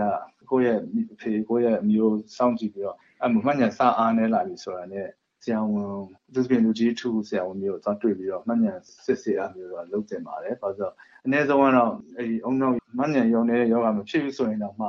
အနည်းဆုံးကိုယ့်ရဲ့ဒီမှညံ test ကစစ်စစ်တယ်ကဘယ်လိုရှိလဲဆိုတာအမျိုးကြည့်ထားခြင်းအဖြစ်နောက်ပိုင်းမှညံထပ်ပြီးအားနေတဲ့အခါကျကျွန်တော်တို့ရှင်းကြည့်ပြီးတော့မှဟုတ်တယ်အရင်ကထက်ဆိုးလာတာပါလားဆိုတဲ့ဟာမျိုးကရန်ကိုအရေးကြီးပါလားဟုတ်ကဲ့ဆရာဒီနေ့မှာမိသားစုကပိုအရေးပါလာတော့ဟုတ်ကဲ့မိသားစုတွေအတွက်ပေါ့နော် လူကြီးမိဘတွေရှိလာတဲ့အချိန်မှာသိထားတဲ့နောက်ထပ်အရေးပါတဲ့လက္ခဏာတွေရောရှိသေးလားဆရာကြီးနောက်တစ်ခုကကျွန်တော်ကားမောင်းတဲ့နေရာပေါ့နော်သူဖြင့်ကျွန်တော်ဒီအမေရိကန်မှာဒီအသက်ကြီးတယ်ဆိုပေမဲ့ကားတစ်ချိန်လုံးမောင်းနေရတော့ပါပဲသူဖြစ်တချို့နေရာတွေမှာကျွန်တော်တို့ဒီကယ်လီဖိုးနီးယားလိုမျိုးကြတော့ဒီ bus တွေ train တွေကိုရထားတွေအားကိုးလို့မရတာကြတော့အသက်ကြီးရဲ့ကားမောင်းနေရလူပေါ့နော်ဒါပေမဲ့ကားမောင်းတဲ့နေရာမှာလည်းစပြီးတော့အမှားယွင်းနေဖြစ်လာပြီဆိုကျွန်တော်အဲ့ဒါကိုဆိုတော့စိုးရင်စင်ပါတယ် ဘာဖြစ်လဲဆိုတော့ကားမောင်းတာလည်းရှင်းရှင်းပြောရင်အောက်နောက်ဒီနှံ့ညံအားနေတဲ့လူတွေမှာကတော့သူတို့ကအမျိုးအလုံးတစ်ခုသုံးခုလို့တစ်ခါနဲ့လုပ်လို့မရပါဘူးသူတို့အားနေတယ်အကောင်းဆုံးဥပမာအနေနဲ့ပြောမယ်ဆိုရင်တော့ကျွန်တော်ကားမောင်းနေတဲ့ဘက်ဘက်ကိုကျွန်တော်ချိုးတာပေါ့ left hand ဆိုတဲ့အခါကျတော့ mid point မှာကျွန်တော်ထားရက်နေပြီဒီကောကအဲမိစိတ်ရင်ညာဘက်ကိုချိုးရမယ့်အခါမှာသူကအောက်နောက်ကနှစ်ခုသုံးခုလုံးလုံးနေရတာပေါ့နော်ဘာဖြစ်လို့ရှေ့ရလာတဲ့ကားကိုလည်းသိရမယ် ဒီ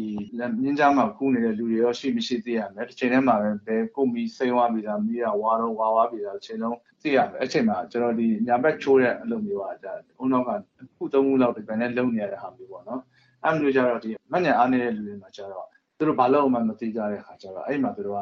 ရုပ်ကြည့်လုံးမိလောက်ရလုံးရတဲ့အခါကျမှဒီများစကားကိုသွားတိုက်တာမျိုးတို့လမ်းဖြတ်နေတဲ့လူတွေသွားတိုက်တာမျိုးတို့ဖြစ်တတ်ပါတယ်နောက်တစ်ခုက even ကျွန်တော်ဒီကိုရောင်ထဲကိုသွားပြီးကားဆောက်တာတော့မှ ကိုကိုကိုဒီချိန်တဲ့အခါမှာအားနေတဲ့အခါကျမှ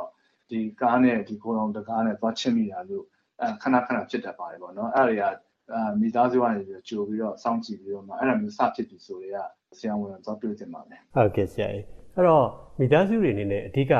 သတိစပြုမိတဲ့လက္ခဏာမျိုးတွေရောဘာတွေဖြစ်နေတတ်လဲဆရာကြီးဘယ်အချိန်လောက်မှသူတို့စသတိပြုမိနေရှိလဲကျွန်တော်ပြောတော့သူတို့ဒီဘေးကုတ်တစ်ခုပဲခဏခဏမင်းနေတာမျိုး ခုလေးတွေပြောပြီးခုလေးတွေမေ့သွားတဲ့ဟာမျိုးပြီးတော့အရေးကြီးတဲ့ဥပမာဆို appointment မေးတာမျိုးတို့ဒီ passport မေးတာမျိုးတို့ပြီးတော့ပစ္စည်းအထားမှားတာမျိုး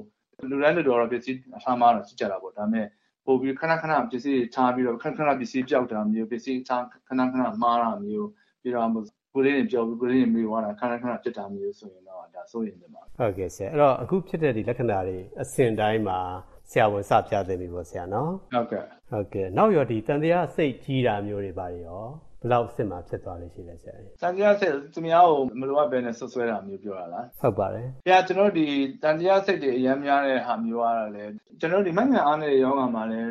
မျိုးမျိုးရှိပါတယ်ပေါ့နော်ကျွန်တော်ဒီမှာအဖြစ်များဆုံးတော့ Alzheimer ယောဂါမျိုးပေါ့ Alzheimer ယောဂါမျိုးကတော့ဒီတန်တရားစိတ်များတာမျိုးနောက်ပိုင်းကျမှသူတို့ဖြစ်လာတာပေါ့နော်ကျွန်တော်တို့ဒီမှာတော့ Lewy body ဆိုတဲ့မငန်အားနဲ့ယောဂါမျိုးဆိုရင်တော့ ဆိုတော့အစထဲမှာတွေကကျွန်တော်လူတိုင်းကိုသူတို့စပြီးတော့တန်တရားတွေများပြီးတော့ဒီမပြောစင်းတဲ့စကားတွေပြောတာတော့အဲ့မျိုးတွေသူတို့ရဲ့ပြောတာဆိုတာလောက်တာကိုင်းတာပါအစအရန်ကိုဟိုမသိတော်တဲ့ဟာမျိုးတွေပြောတာမသိတော်တဲ့ဟာတွေလောက်တာသူများကိုဆွဆွဲတာမျိုးအဲ့လိုမျိုးတွေကရှစ်တတ်ပါတယ်အဲ့ဒါမလို့ရုတ်တရက်ကိုယ့်ရဲ့မျိုးထဲမှာအဲ့လိုမျိုးမပြောတဲ့နေရှောက်ပြောတယ်တန်ကြားစိတ်တွေအရန်များလာတယ်အဲ့မျိုးဆိုရင်တော့ဆရာဝန်သွားတွေ့ပြီးတော့ဘာဖြစ်နေလဲဆိုတဲ့ဟာမျိုးကို သူတင်တွေ့ချင်ပါတယ်ပေါ့နော်ဘာလို့ဒီတန်ကြားအရန်များတဲ့ယောဂါဒီမှတ်ဉာဏ်အားနေတဲ့ယောဂါမျိုးကြောင့်ဖြစ်နိုင်တယ်လို့ပဲဒီတန်တရားများတဲ့ယောဂါကိုသက်သက်ကိုရှိတာပေါ့နော်ဒီမှာတော့ဒီ delusional disorder ပေါ့အဲ့လိုမျိုးဆိုတော့အကောင်းဆုံးကတော့ဒီထုဖြင့်စိတ်ယောဂါအထုခုစေယုံမျိုးဖြစ်ဖြစ်ကျွန်တော်တို့လူကြီးထုစေယုံမျိုးနဲ့လူကြီးထုဆရာဝန်မျိုးနဲ့သောတွေ့ခြင်းအဖြစ်တော့အဲ့ဒီအထုခုတွေကတော့သင်္ချာခွဲပြောလို့ရတာပေါ့ဟုတ်ကဲ့ဆရာအဲ့တော့အခုတတရားဖြစ်တဲ့အဆင့်ကတော့ဒီဒီမန်ရှာမှာရှိတဲ့ယောဂအမျိုးအစားလိုက်နဲ့နောက် နည်းနည်းပြင်းထန်လာတဲ့အဆင့်မှာဖြစ်တဲ့သဘောပေါ့နော်ဟုတ်ကဲ့အဲ့တော့အစာပိုင်းမှာစသိနိုင်တဲ့နောက်ထပ်ရောအဓိကပြောစရာရှိအောင်ပါဆရာအထူးတော့မရှိပါဘူးကျွန်တော်ဒီ short term memory ပေါ့ဒီဒီအခုလေးပြောတဲ့ဟာမျိုးချက်ချင်းမိသွားတာမျိုးမနေ့ဒီနေ့မှာပဲဖြစ်တဲ့ဟာမနေ့တနေ့ကဖြစ်တဲ့ဟာမျိုးချက်ချင်းလုံးဝယူလုံးဝမိသွားတဲ့ဟာမျိုးဥဆုံးစဖြစ်တာပေါ့အဲ့တော့ချို့ရအဲ့ရောဂါဖြစ်တဲ့လူတွေကသူတို့သူတို့နှစ်သိမ့်တာပေါ့နော်ဟိုငါမှညာဘယ်လောက်ကောင်းလဲဆိုတော့အနှစ်20လောက်ကဟာမျိုးငငယ်တုန်းကဟာတွေပါမှတ်မိတယ်ပေါ့အဲ့ဒါမလို့ဒီခုနောက်မှညာရောနေတဲ့ရောဂါမျိုးကစဖြစ်တာတော့ short term မှညာညာစဖြစ်တာပါသူတို့ရဲ့အဝေးတော့ဟိုတစ်ချိန်တော့ဖြစ်ခဲ့တဲ့မှတ်ဉာဏ်တွေကတော့သူတို့မှာကောင်းတော့မဲ့သူတို့ဒီနောက်ပိုင်းယောဂပြင်းထန်တဲ့အချိန်ကျမှအဝန်းကျင်တော့မှတ်ဉာဏ်တွေပါသူတို့မေ့သွားပြီးတော့အဲ့ကြမှာသူတို့ဖြစ်တာပေါ့ဥမာဆိုပါဆိုကျွန်တော်တို့တွေ့ရလူနာတွေဆိုရင်မွေးတော့ကတော့ဗမာလိုပဲပြောကြတယ်အလယ်တန်းလောက်မှာစပြီးအင်္ဂလိပ်လိုစသင်တယ်သူဖြစ်အမေရိကရောက်လာပြီဆိုရင်အင်္ဂလိပ်လိုပဲကျွန်တော်ပြောကြတယ်ဒါပေမဲ့အုံနောက်အားနဲ့ယောဂဖြစ်လာတဲ့လူတွေကြတော့ဖြေကြလာတဲ့ခါကျတော့သူတို့အင်္ဂလိပ်လိုပါသူတို့မေ့သွားကြအောင် အဲကြောင့်မလို့သူတို့ဒီရှင်တော့ around the memory ကသူတို့နောက်ပိုင်းကျမှသူတို့ထိခဲ့တာပါဒါပေမဲ့သူတို့စတာကတော့အဲ့ဒီဒီမနေ့ပါစားတာမေ့သွားတာမျိုးဒီခုလေးမေးကုန်မေးပြီးတော့ဒီမေးကုန်ကိုပဲတစ်ခါတစ်ခါမေးတဲ့ဟာမျိုးတွေကစိုးရင်ကြာအရင်ကောင်းပါတယ်ဟုတ်ကဲ့ကျေးဇူးအများကြီးတင်ပါတယ်ဆရာ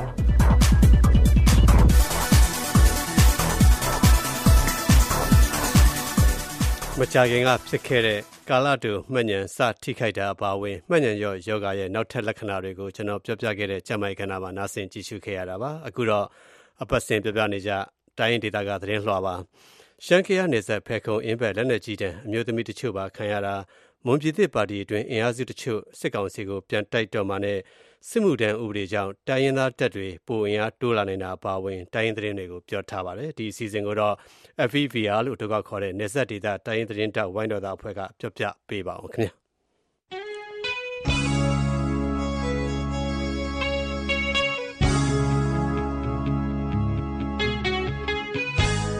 အပတ်စဉ်တင်ဆက်သွားမယ့်တန်ရင်သတင်းလွှာကကြိုဆိုပါရယ်မြန်မာနိုင်ငံတဝန်းတန်ရင်သားလူမျိုးစုတွေနေထိုင်ကြတဲ့အရက်ဒေသတွေမှာဖြစ်ပျက်နေတဲ့အဖြစ်အပျက်တွေနဲ့တန်ရင်သားတွေရဲ့အတန်တွေကိုထင်ဟပ်တင်ဆက်ထားတာဖြစ်ပါတယ်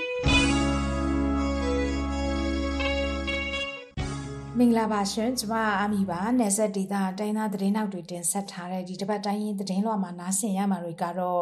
ဖဲခုံအင်းအရှိဘက်ကန်းကရွာတွေထဲလက်နက်ကြီးကြီးကြားရောက်ခဲ့လို့အမျိုးသမီး၃ယောက်ထိမှန်တေဆုံးခဲ့ပါတယ်။မွန်ပြည်သက်ပါတီမှာသဘောထားမတိုက်ဆိုင်တဲ့လက်နက်ကင်အင်အားစုတချို့ကပါတီတဲကခွဲထွက်ပြီးဆက်အာဏာရှင်တိုက်ဖြတ်ချေမှုန်းရေးအဖွဲ့ဖွဲ့ပြီးတော့တည်တံ့ရက်တီတော့မှာဖြစ်ပါတယ်။သတင်းလွှာတွေထဲမှာတော့စစ်ကောင်စီကအတီးပြုလိုက်တဲ့ပြည်သူစစ်မှုထမ်းဥပဒေဟာတိုင်းသားလက်နက်ကင်တွေအတွက်ပို့ပြီးတော့အကျိုးဖြစ်ထွန်းစေနိုင်တယ်လို့သုံးသပ်မှုတွေရှိနေတဲ့အကြောင်းနားဆင်ရဖို့ရှိပါတယ်။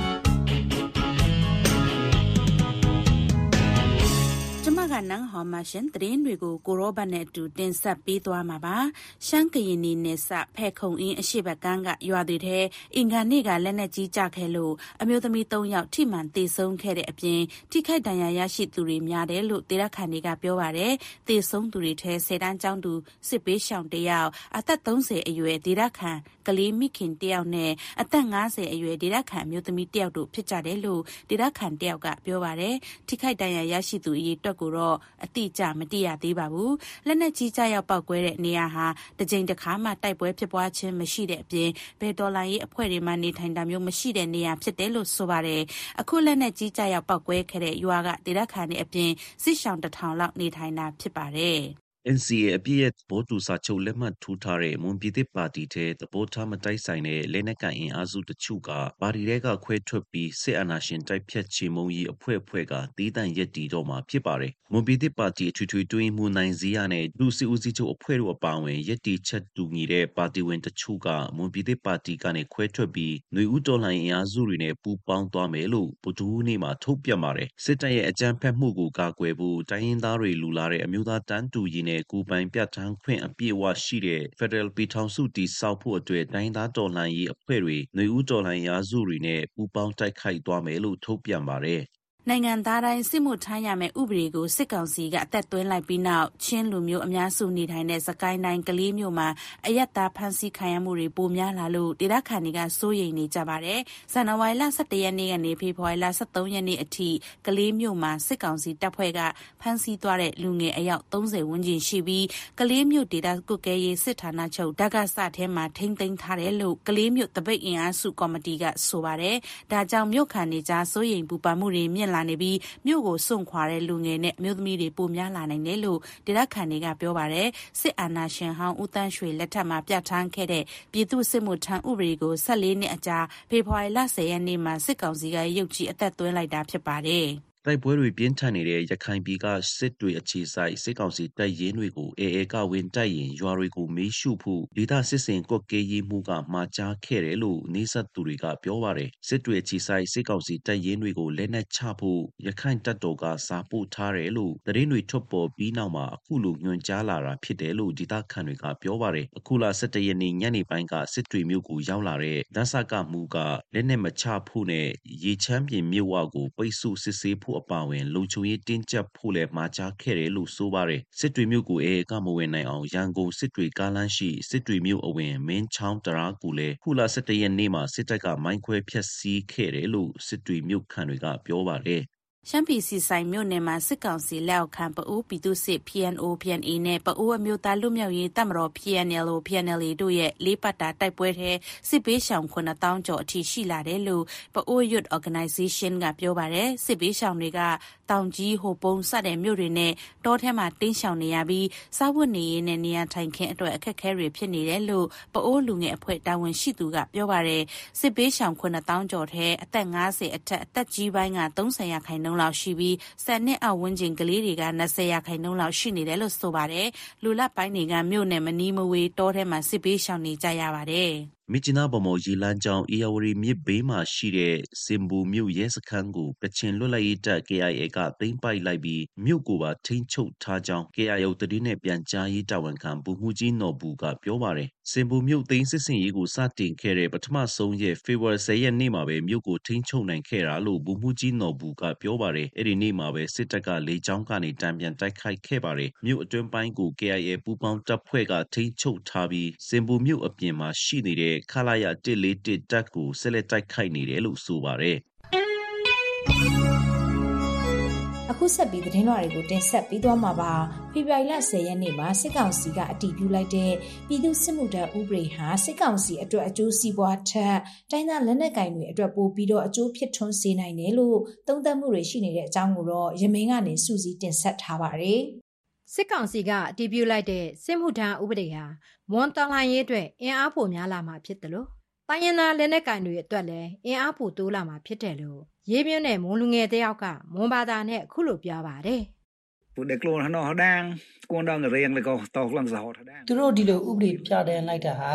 တိုင်းသားတက်တွေအတွက်စစ်သားအင်အားပိုပြီးတော့များလာဖို့ပဲရှိတာပေါ့မွန်တွေကြတော့မွန်တက်ထက်ကိုဝင်တယ်လို့ကင်းတွေကလည်းကင်းတက်ထဲပဲဝင်သွားကြမှာပေါ့နော်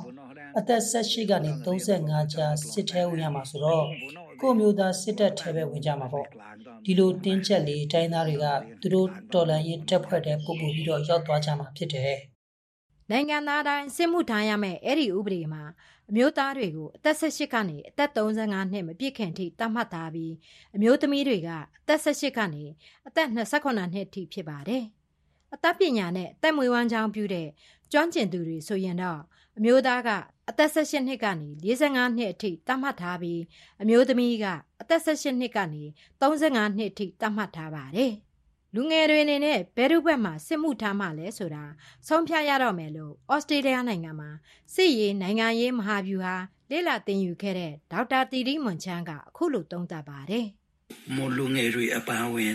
တိုင်းရင်းသားလူငယ်များအနေနဲ့နိုင်ငံရက်ခြားစီထွက်ခွာတိမ်းရှောင်မှုတွေများလာမယ်မထွက်နိုင်တဲ့လူငယ်တွေအတွက်စကားစလက်အောက်မှာစစ်မှုထမ်းမှလားမိမိတို့တိုင်းရင်းသားလက်နက်ကိုင်အဖွဲ့အစည်းတပ်ဖွဲ့တွေမှာစစ်မှုထမ်းမှလားဆိုတာယတိပြတ်ရွေးချယ်ဆုံးဖြတ်ရလိမ့်မယ်နိုင်ငံသားအချင်းချင်းတိုက်ခိုက်တပ်ဖြတ်ကြရမယ်စစ်မှုထမ်းဥပဒေကစကားစအတွက်အကျိုးထက်အဆိုးဖြစ်လာလိမ့်မယ်စကားစရဲ့စီရေးအကြက်တဲ့ တတ်တတ်တဲ့စုဆောင်ရေးအကြက်သေးကိုလည်းထုတ်ဖို့ဝန်ခံလိုက်တယ်လို့မျိုးဖြစ်လာတယ်။နိုင်ငံပေါင်း86နိုင်ငံမှာစစ်မှုမထမ်းမနေရဥပဒေပြဋ္ဌာန်းထားပြီးအာရှနိုင်ငံမှာတော့တရုတ်၊အင်ဒိုနီးရှား၊လာအို၊စင်ကာပူ၊တောင်ကိုရီးယား၊ထိုင်ဝမ်နဲ့ထိုင်းနိုင်ငံတွေမှာကြည်သုံးနေကြပါတယ်။မြန်မာနိုင်ငံအနေနဲ့ပြည်တွင်းမှာတိုက်ပွဲတွေဖြစ်နေချိန်မှာဒီစစ်မှုထမ်းဥပဒေကိုမကြည်သုံးသင့်သေးဘူးလို့တိုင်းရင်းသားလူမျိုးများရေးရာစင်တာအင်းနဲ့မှုဆောင်ဒါရိုက်တာ ဒေါက်တာပညာမွန်ကပြောပါတယ်ဒီလိုဥပဒေမျိုးကဥပမာထိုင်းနိုင်ငံလိုတခြားနိုင်ငံပေါ့နော်ဒီနိုင်ငံမှာငြိမ်းချမ်းတဲ့အချိန်သူတို့အာဒီ counter for တာပေါ့နော်ခုကကျွန်တော်တို့နိုင်ငံကတော့စစ်ဖြစ်နေတဲ့အချိန်ကိုယ့်အချင်းချင်းအာတိုက်နေတဲ့ကြတဲ့အချိန်ဆိုတော့ဒီဥပဒေကိုအာ counter for ခြင်းအဖြစ်ကကျွန်တော်တို့တိုင်းသားချင်းချင်းကြားမှာရောပြီးတော့ကို SAC နဲ့ တော်လှန်ရေးအဖွဲ့တကြားမှာတော်တော်ကိုတင်မာမှုအာရှိလာနိုင်တယ်။ဖက်ဒရယ်နိုင်ငံရပြီးမှသာဒီဥပဒေကိုအကောင့်ထဲဖော်တည်တယ်လို့လည်းဆိုပါတယ်။အဲ့ဒီပြည်သူ့စစ်မှုထမ်းဥပဒေကရင်းနိုင်ငံတော်အေဂျင့်တာယာရေးနဲ့ဖို့ဖြိုရေးကောင်စီလက်ထက်2010ခုနှစ်နိုဝင်ဘာလ4ရက်နေ့မှာဥပဒေဖြစ်ထုတ်ပြန်ပြဋ္ဌာန်းခဲ့တာဖြစ်ပါတယ်ရှင်။ ရှမ်းပြည်နယ်တောင်ပိုင်းပိုးကိုယ်ပိုင်အုပ်ချုပ်ခွင့်ရဒေသစီဆိုင်မြို့ဘက်မှာတော့ပိုးပြည်သူစစ် PNA စစ်ကောင်စီပူးပေါင်းတပ်နဲ့ပိုးအမျိုးသားလူမျိုးရေးတပ်မတော် PNLA တို့ထိတွေ့တိုက်ပွဲဖြစ်ပွားခဲ့ပါတယ်။အဲ့ဒီဘက်ကအခြေအနေတွေကိုတော့ကျမအမီကနေတင်ဆက်ပေးပါမယ်။စီဆိုင်မြို့မြောက်ဘက်တနေရာကိုစစ်ကြောင်းထိုးလာတဲ့ပိုးပြည်သူစစ်ပူးပေါင်းတပ်ဖွဲ့ကို PNLA ကစီးကြိုတိုက်ခိုက်ရမှာရှစ်ယောက်ထပ်မံတေဆုံးခဲ့ပါတယ်။ PNLA စစ်ဘက်ဆိုင်ရာပြောရေးဆိုခွင့်ရှိသူတယောက်ကမြေပြင်ကအခြေအနေနဲ့ပတ်သက်ပြီးတော့အခုလိုမျိုးပြောပါတယ်ပိုးမျိုးသားလူမျိုးရေးတပ်မတော် PNA လုံခြုံရေးတပ်ဖွဲ့တွေကပိုးဒေတာလုံခြုံရေးအတွက်ကင်းလဲတဲ့အချိန်မှာအဲ့ဒီစစ်ကောင်စီနဲ့အပေါင်းအပါတွေက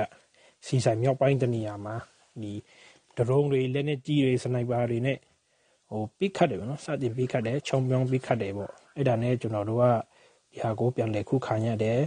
ခုခံစစ်လုပ်ရတယ် ပိုးပြည်သူစစ် PNA စစ်ကောင်စီပူးပေါင်းတပ်နဲ့ပိုးအမျိုးသားလွတ်မြောက်ရေးတပ်မတော် PNL တို့ဖေဖော်ဝါရီလ12ရက်နေ့ မနက်ပိုင်းမှာ ထိတွေ့တိုက်ပွဲဖြစ်ပွားခဲ့ပါတယ်။ထိတွေ့တိုက်ပွဲထဲမှာတော့ PNA နဲ့ စစ်ကောင်စီရဲ့ ပူးပေါင်းတပ်ဘက်က ၈ ယောက်ထပ်မံတေဆုံးခဲ့ပြီး တိုက်ပွဲအပြီးမှာတော့တနက်နှစ်လက် ကားတစ်စီးနဲ့ကြီးစံတချို့ကို PNL ဘက်က သိမ်းဆည်းရမိခဲ့ပါတယ်။စစ်ကောင်စီနဲ့ PNL တပ်သားတွေ ထွက်ပြေးလွတ်မြောက်သွားတာလည်း ရှိတယ်လို့ ဆိုပါတယ်။တိုက်ပွဲဖြစ်ပွားနေချိန်အတွင်း စစ်ကောင်စီနဲ့ PNA ဘက်ကနေ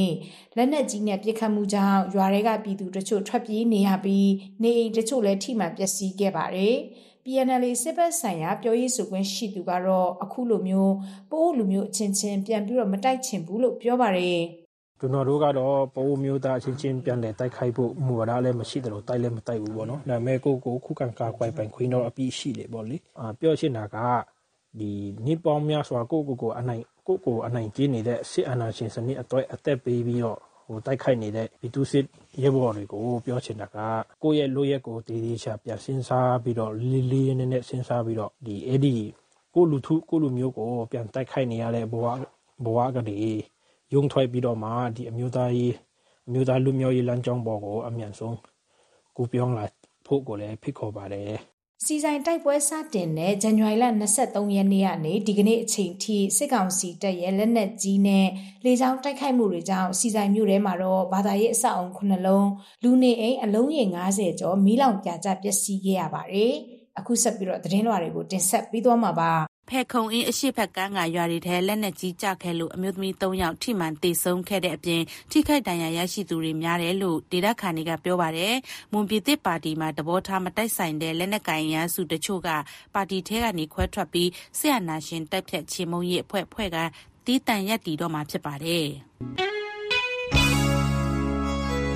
တော်ရရှင်တွေအခုနားဆင်နေကြကြတာကတော့နေဆက်ဒေတာတိုင်းသားသတင်းတောက်တွေကနေအပတ်စဉ်တင်ဆက်ပေးနေတဲ့တိုင်းရင်သတင်းတော်ပဲဖြစ်ပါတယ်။နောက်သတင်းပတ်အစီအစဉ်မှာပြန်ဆောင်ရအောင်ပါရှင်။ကျွန်မအာမီပါ။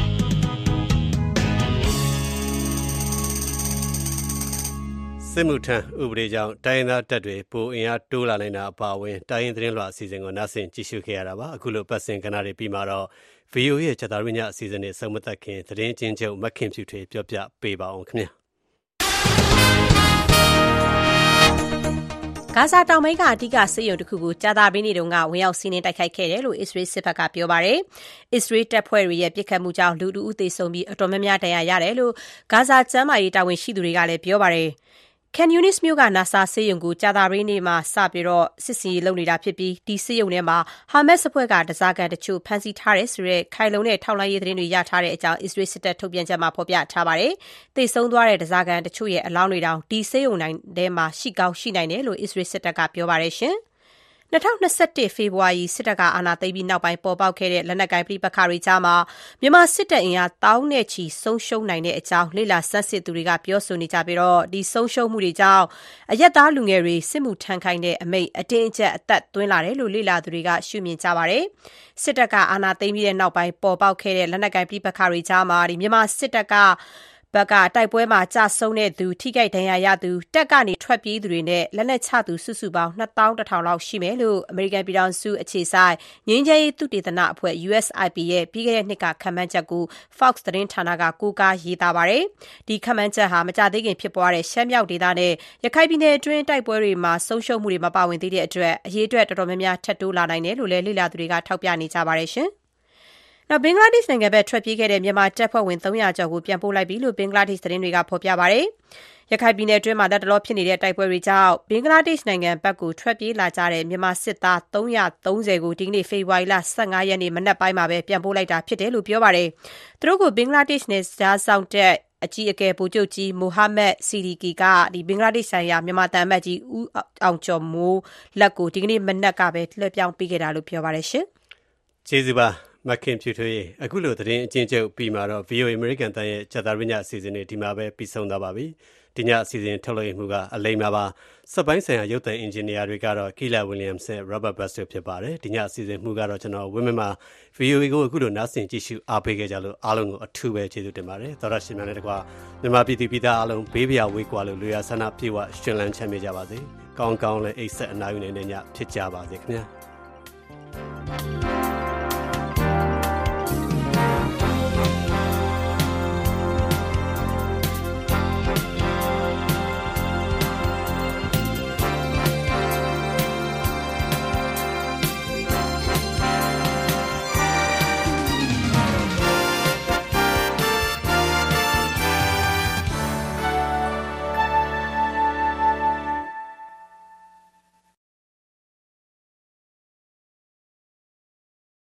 This program